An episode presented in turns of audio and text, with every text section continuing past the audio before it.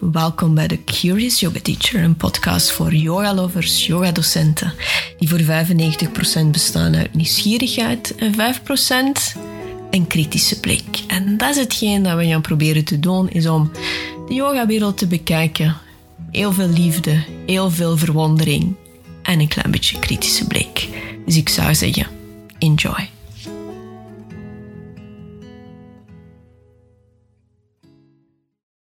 Welkom yogis, een nieuwe aflevering van onze podcast. Het is zo dat als ik geïnspireerd ben om te babbelen, dan neem ik een aantal afleveringen in stuk door. En soms duurt het wel een beetje voordat ik inspiratie heb. Maar ik kan het inplannen, maar als ik het niet voel, dan voel ik het ook niet. Dus een aantal weken geleden had ik eh, een aflevering opgenomen die ging van hoe kun je um, opnieuw bijstuderen of cursussen volgen of opnieuw jouw kennis verdiepen zonder veel geld te investeren. En ik had een aantal tips gegeven dat je kon doen. En dan, en was het ook van jouw oude manuals nog eens naar boven halen, afspreken met andere docenten en et cetera. Maar natuurlijk ik organiseer opleidingen. Ik heb een 200 uur opleiding en ik heb ook advanced studies van de elemental tot de lunar tot de chakra. Dus zou kunnen denken van nee, je bent wel tegen jouw eigen winkel aan het spreken en waarom zeg je net van zoek een manier om geen geld op te doen? Zeker nu dat alles een beetje duurder wordt. Maar ik vind dat je het alle twee moet doen. En in deze aflevering ga ik het hebben om over de reden waarom dat je wel zou investeren in opleidingen. Waarom dat je wel zou zeggen van kijk, ik ga naar daar en ik ga me vijf dagen onderdompelen. En ah ja, ik ga die nieuwe online cursus kopen en dit en dat. Hè? Waarom dat het belangrijk is. Hè? Maar ook wat je moet weten is waarom dat je het doet. En dat is ook hetgeen dat je voordat je jou inschrijft in een opleiding is dat je een aantal vragen moet stellen. Want er is natuurlijk een verschil tussen een opleiding kiezen omdat je onzeker bent of je ziet dat de docent achter de hoek die opleiding volgt en je denkt van oei, ik mag niet achterlopen, want dan gaan zij die lessen uh, organiseren en dan gaan mijn studenten naar daar gaan. Dat je het, het, gevoel van tekort of onzekerheid beslist om het te doen. Maar er is ook een ander verschil. Er is ook, het kan ook zijn dat je voelt dat je heel grote interesse hebt in een aantal onderwerpen en merkt van, god, daar wil ik meer over weten. In de eerste plaats voor jouw eigen practice. Misschien zijn er uh, studenten die naar jouw les komen die net nood hebben aan die informatie, waarbij dat je voelt van, ik heb daar een beetje tekort aan en ik wil, uh, zogezegd, dat, dat gaat in mijn kennis wat opvullen. Dus dat is, voordat je begint, of voordat je jou inschrijft, neem gewoon een blad papier en beantwoord de volgende de vragen. Dus de topic die je ziet. Is het een topic waar je al een aantal maanden over aan het denken bent, dat je al eens een boek op over gekocht, dat je ziet dat het vooral artikelen zijn die over dat topic gaan, dat altijd jouw oog opvalt. Je hebt het idee dat in, op jouw Facebook-feed, Instagram, dat het net die topics zijn die altijd terugkomen. Dat je op Netflix een serie hebt gezien erover. Dat je gewoon het idee hebt van, oh ja, het is, het is altijd iets, iets dat terugkomt. En dat je een bepaalde honger voelt om er meer over te weten. Aan de andere kant is het ook een topic die jou inspireert en waar je gelukkig van wordt. waarbij dat je heel enthousiast bent over te babbelen. Als, er iemand, als je iemand tegenkomt en die vraagt over jou van ah, wat, heb je, wat zou je dan doen? Dat je, dat je spontaan daarover begint te babbelen. Dan ook dat je nog eens dat je de vraag stelt, zoals ik al zei, van, is het iets dat jou extra waarde gaat geven in jouw eigen practice?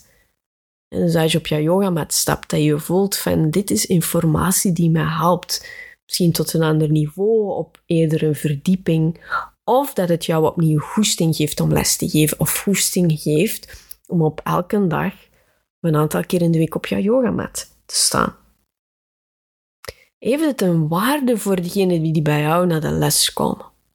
dus je kunt jou de vraag stellen van je merkt dat de laatste tijd heel veel mensen naar jouw les komen die, die thuis zitten, die een burn-out hebben, die, die, die echt nood hebben aan diepe rust. dan zou het voor jou misschien heel interessant zijn om eens te kijken van, kan ik een yoga nidra opleiding volgen om ze dan in Shavasana een extra tool te geven? Is het misschien nuttig om een restorative yoga opleiding te volgen om dan ook die lessen aan te bieden, omdat je merkt dat die nood aanwezig is?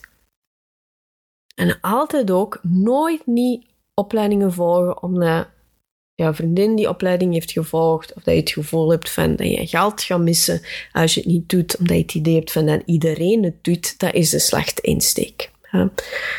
Ik heb me daar ook al door laten vangen, dat ik zoiets heb van, iedereen is daar aan het doen, ik ga dat ook doen. En, en dat ik gewoon er vijf dagen tegen mijn hoesting zet, zo echt het gevoel had van, hier heb ik geen zin in, Um, het was zo droog dat ik me nadien wou gaan feesten en een hele fles champagne wou opdrinken. En dan dacht ik van, oké, dit, dit is ook niet de bedoeling ervan.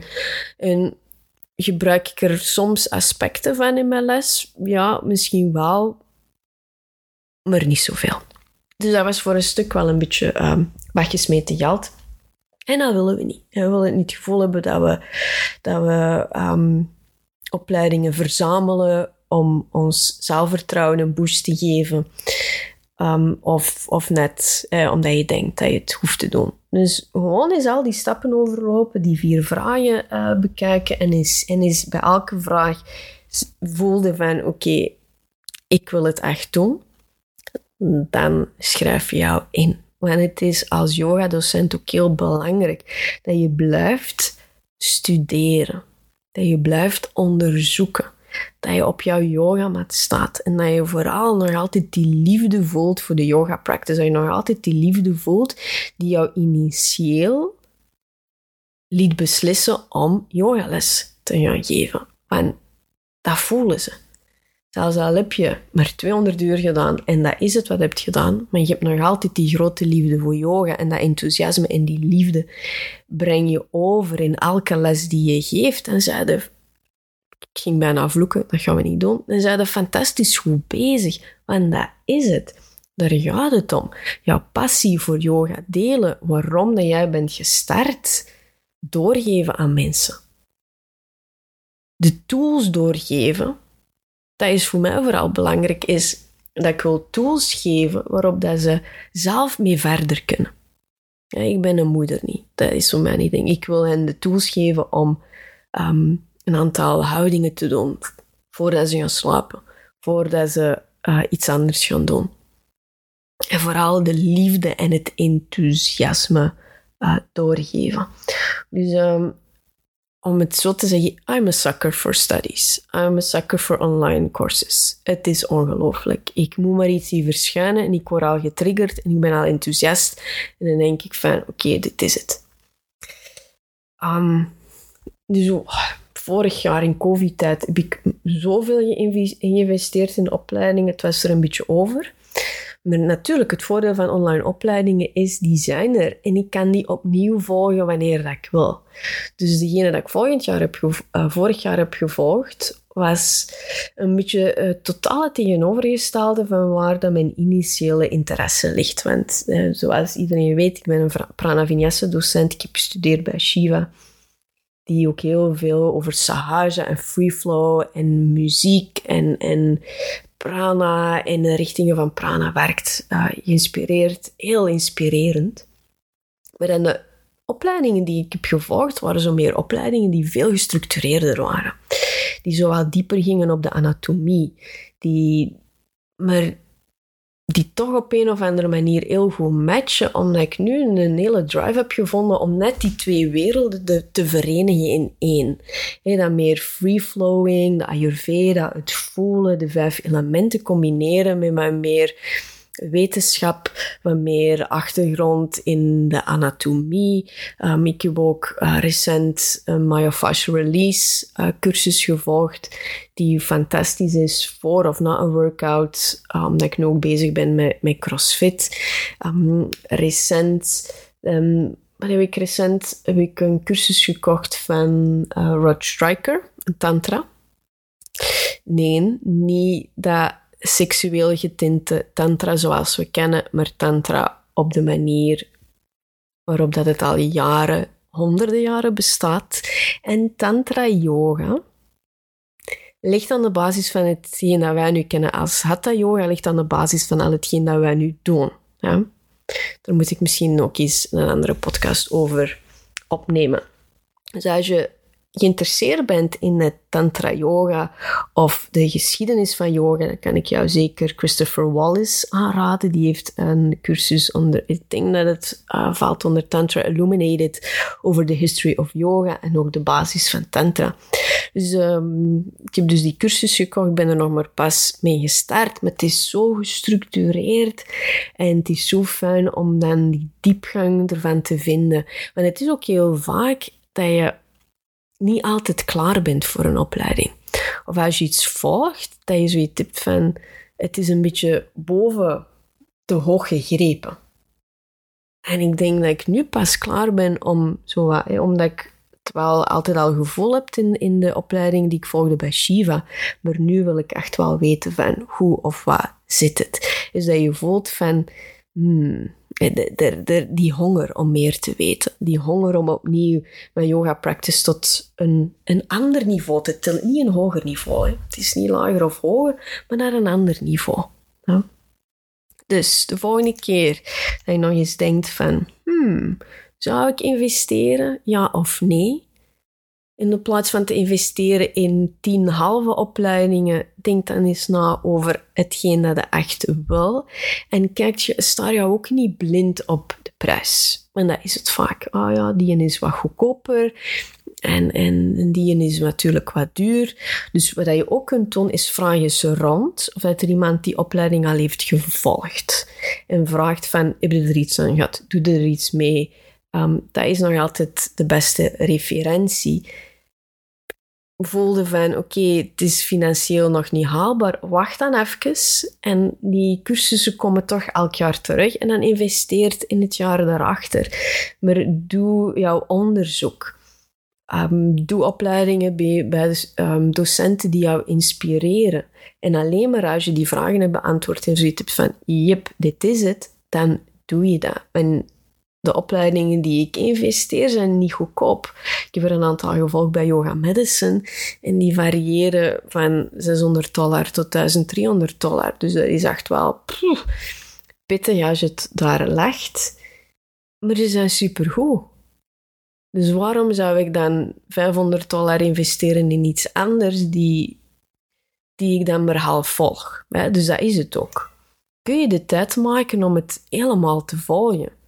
En dat is het voordeel van een online opleiding, dat je het zelf goed kunt inplannen. Maar ook dan moet je weten van, wil ik er tijd voor maken? Kan ik er nu tijd voor maken? Zij je niet zeker? Ja, dan zou ik het ook niet doen. Zij je wel zeker? Doe het. Ofwel kies je dan voor een live opleiding, omdat het dan gecondenseerd is en het jou voor een stuk ook een beetje verplicht om aanwezig te zijn en de informatie op te nemen. En dan is het kort gecondenseerd in de plaats van een online opleiding kan soms gespreid zijn over vier maanden, een jaar. Dus ik hoop dat deze tips of dit, dit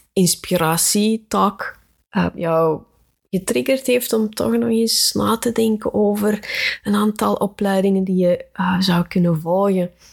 En ik ga er ook gewoon gebruik van maken om de opleidingen die bij mij in de planning staan om die even te promoten. Dus ehm, 1 november komt er de Lunar Immersion. Is de Art of Teaching Lunar Prana Vinyasa. De lunar staat voor de zachte manier van bewegen. Bewegen ook een beetje op het ritme van de maan, de fases van de maan. Uh, dus dat je ziet dat vinyasa niet alleen solar en lunar is, of alleen solar, maar dat er ook dat lunar aspect is met lunar meditaties, lunar mudras.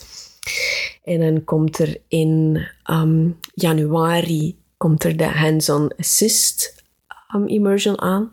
Vooral nu in post-COVID times. En meer gericht om hoe kun je veilig jouw studenten helpen, maar ook veilig voor jou. En dan komt er ook nog de chakra immersion, waarbij dat we uh, de chakras bekijken. En er zijn dan ook, dan leer je namaskars gelinkt aan die chakras. Dan leer je in een mandala, in een cirkel lesgeven. En dan merk je dat je opnieuw wat extra gelaagdheid kunt brengen in jouw lessen.